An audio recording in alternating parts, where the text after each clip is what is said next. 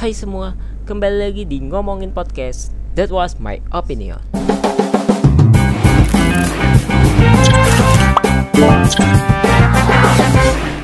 Alright, alright, alright. Gue kembali lagi ya. Setelah uh, udah lama banget gue nggak bikin podcast. Jadi podcast gue yang terakhir itu pas waktu-waktu PSBB PSBB Jakarta jilid pertama itu gue bikin karena ya gue lagi iseng aja gitu di rumah nggak ada kerjaan ya kan. Uh, mungkin di sini belum ada yang tahu that was my opinion ini atau lebih disingkat dengan TWMO ini serial podcast apaan gitu ya kan. Jadi gue bakal jelasin mungkin ada juga listener baru. Jadi TWMO itu gue buat karena gue suka memperhatikan kejadian kejadian-kejadian yang lagi viral dan gue suka mengomentarinya. Untuk itu gue tuangkan di podcast ini. Bukan cuma kejadian viral juga sih. Jadi kejadian sehari-hari yang gue sedang alami atau uh, ada yang mau gue bahas jadi gue tuangkan pada podcast ini. Jadi episode pertama ini gue mau ngebacain sebuah artikel. Ini artikel sih emang udah lama banget sih. Uh, artikel ini dibuat pada Selasa 4 Februari 2020 gue kutip dari suara.com jadi gue mau jadi pada kali ini gue mau ngomongin uh, pemotor yang masuk jalur busway. Oke. Kita langsung aja dulu bacain artikelnya ya. Dilansir dari suara.com Selasa 4 Februari 2020 nggak apa-apa lah ya gue bacain artikel udah lama. Tapi gue emang lagi pengen ngebahas ini sih. Dan ada sangkut pautnya juga dengan uh, kejadian yang barusan gue alami pemotor masuk jalur busway dominasi pelanggaran tilang elektronik di DKI Jakarta wah kita langsung bacain ya Sebanyak 161 pengendara sepeda motor tercatat melanggar aturan lalu lintas di hari pertama penindakan sistem tilang elektronik Traffic Law Enforcement atau ETLE. E.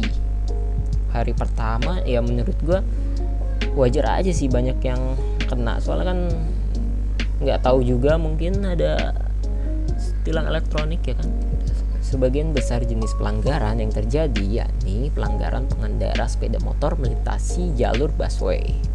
Oke, Kasubdit Gakumdit Lantas Polda Metro Jaya AKBP Fahri Siregar mengatakan pelanggaran pengendara sepeda motor melintasi jalur busway paling banyak terekam kamera terjadi di halte Duren 3 Transjakarta di Mampang, Jakarta Selatan. Meski penurunan angka pelanggaran tersebut tak signifikan. Oke, diketahui sistem tilang elektronik atau Electronic Travel Law Enforcement atau ETLE e terus dikembangkan. Pengendara sepeda motor yang bermain telepon seluler saat berkendara kekinian pun bakal ditilang polisi. Main telepon ya jelas lah. Selain itu, kamera ETLE e mampu merekam pelanggaran lainnya, yakni penggunaan helm, menerobos traffic light, serta melanggar marka jalan. Wih, keren juga nih kamera ya.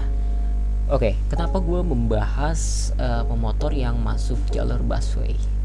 Ya, uh, gue di sini nggak mau munafik dulu ya.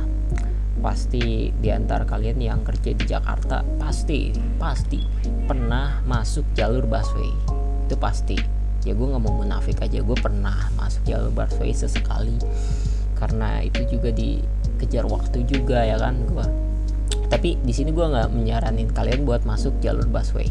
Dan gue sangat melarang juga kalian. Jadi gue nggak di sini nggak menganjurkan kalian untuk masuk jalur busway saat keadaan genting. Ya jadi gini uh, jadi baru saja gue mengalami sebuah accident uh, di sekitaran halte busway Taman Kota Jakarta Barat. Jadi awal cerita kan tadi gue pulang kerja. Pulang kerja itu sangat-sangat macet. Dan mungkin uh, macetnya ini karena orang-orang yang tinggal di Jakarta ini yang ngekos mungkin ya kan pada pulang ke rumah. Soalnya kan sekarang hari Jumat kan. Rata-rata perkantoran itu kan Sabtu Minggu libur. Mungkin dijadikan momentum bagi mereka untuk pulang ke uh, rumahnya masing-masing ya kan? Nggak ke kosan.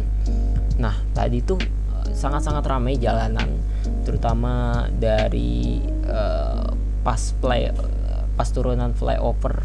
Gue lihat itu udah lumayan macet ya. Udah lumayan uh, crowded banget lah orangnya. Dan mulai lancar lagi sedikit-sedikit itu pas sebelum halte Taman Kota. Nah itu udah agak-agak lancar tuh ya kan? Dan kesalnya dong ketika gua melintasi halte Taman Kota.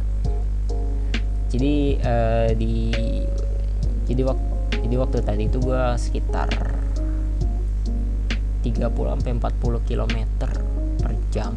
Nggak terlalu uh, kencang banget ya kan jadi di sebelah kanan kan ada jalur busway itu gue lagi ngeliatin mobil ini loh mobil polisi mobil baris krim itu melewati jalur busway. Dan gue aneh aja gitu ya kan kan pas gue melihat mobil itu dan seketika pandangan gue ke depan lagi by the way uh, gue jelasin dulu jadi di depan gue itu ada satu motor yang juga lagi jalan biasa aja ya kan sekitar nggak terlalu tinggi juga sih. Sekitar 40 km per jam dan di depannya ini ada mobil. Ketika gue balikan lagi pandangan gue ke depan mobil yang di depan itu ngerem mendadak mobil yang di depan tuh ngerem mendadak otomatis motor yang di depan gue juga kan ngerem mendadak gitu ya kan. Dan dan gue kaget bro. Dan gue asli kaget bro. Tiba-tiba ngerem mendadak gitu ya kan gue ya tidak terhindarkan dong. Jadi gue juga nabrak belakang motornya itu agak oleng juga dan gue mikir nggak boleh jatuh ini nggak boleh jatuh motor ya kan. Gue menahan dengan kaki tapi alhamdulillah nggak jatuh juga motor dan uh, gue lihat juga si abang-abang ini di depan ini nggak ada yang patah sekalipun. Paling cuma kayak lecet-lecet doang ya kan motornya. Sama gue juga lecet-lecet. Dan ya untungnya si abangnya baik banget. Nah, dia langsung nanya keadaan gue ya kan. Karena ya jelas lah gue mempertahankan motor sampai biar nggak jatuh gitu ya kan. Ini gara-gara kalian pasti bertanya-tanya kenapa? Mobil yang di depan gue itu ngerem mendadak. Usut punya usut di depan itu ternyata di depan mobilnya ini itu ada satu motor yang tiba-tiba masuk jalur busway lewat pembatas uh, beton gitu pembatas jalan kalian tahu kan pasti kalau misalnya jalur busway kan di pagerin bukan di pagerin di apa yang namanya? Uh, ya ya intinya di inilah dia pembatasnya itu kan dari ini dari beton beton beton batu-batu gitu ya kan disusun. Nah jadi di sekitar halte taman kota itu beton-betonnya itu uh, ada yang hilang ya jadi ada yang hilang uh, beberapa batunya karena mungkin tergerus sama ini ya sama sama banjir waktu bulan Februari. Nah, jadi pemotornya ini yang tiba-tiba masuk jalur busway ya jadi pemotor ini masuk ke jalur busway melalui sela-sela dari uh, batu beton itu jadi dari batu beton itu yang hilang uh, yang bolong-bolong itu dia masuk dari situ ya kan tiba-tiba. Ya otomatis mobilnya juga rem mendadak dong ya kan. Dan gue di situ wah gila nih kesel banget bangke bete gue langsung. Emosi bener. Kalau di jalan tuh gue emosi kenapa? Gue nggak tahu deh. Jadi kalau di jalan tuh gue emosi sama orang-orang yang bikin bahaya gitu ya jadi gue emosi uh, sama orang yang bawa motornya itu misalnya ugal-ugalan terus bawa motornya sama maunya dia ya kan? Ya karena dia membahayakan diri sendiri dan membahayakan gue makanya gue emosi gitu ya kan? Oke intinya gini. Kalian tuh kalau misalnya masuk jalur bahasa itu jangan goblok-goblok banget ya kan? Dan posisi tadi itu pulang kerja ya kan? Kalau pulang kerja gitu ngapain buru-buru gitu ya kan oke lah kalau berangkat kerja lu buru-buru nggak apa-apa lu ngejar waktu. Dan ini pulang kerja lu buru-buru lu mau ngapain? Ya kan? Ya udah nikmatin aja macet-macet gitu ya kan? Nggak usah konyol lah. Nggak usah gimana gitu ya kan? Lu mau mati konyol karena masuk jalur busway begitu. Ya intinya begitulah. Gue mau kasih pesan aja ke kalian kalau misalnya pulang kerja ya udah pulang aja maksud maksud gue nggak usah lah ngebut-ngebut gitulah mau pulang ini ya kan kecuali ini mah kecuali kecuali ada ada urusan mendadak gitu ya kan. Tapi menurut gue biarpun lu ada urusan mendadak entah istri lu melahirkan atau ada sesuatu gitu lu itu nggak berhak uh, ngebut sampai membahayakan orang lain gitu kan. Sampai lu masuk jalur busway via gorong-gorong. Nah bukan gorong-gorong. Via selak-selak batu itu. Itu membahayakan. Ya jadi gue mau cerita itu aja ke kalian. Ini kerasahan gue juga sih pada pada hari ini. Oke segitu aja. Jadi pesan gue kali ini kalian uh, kalau bisa lah jangan masuk jalur busway lah.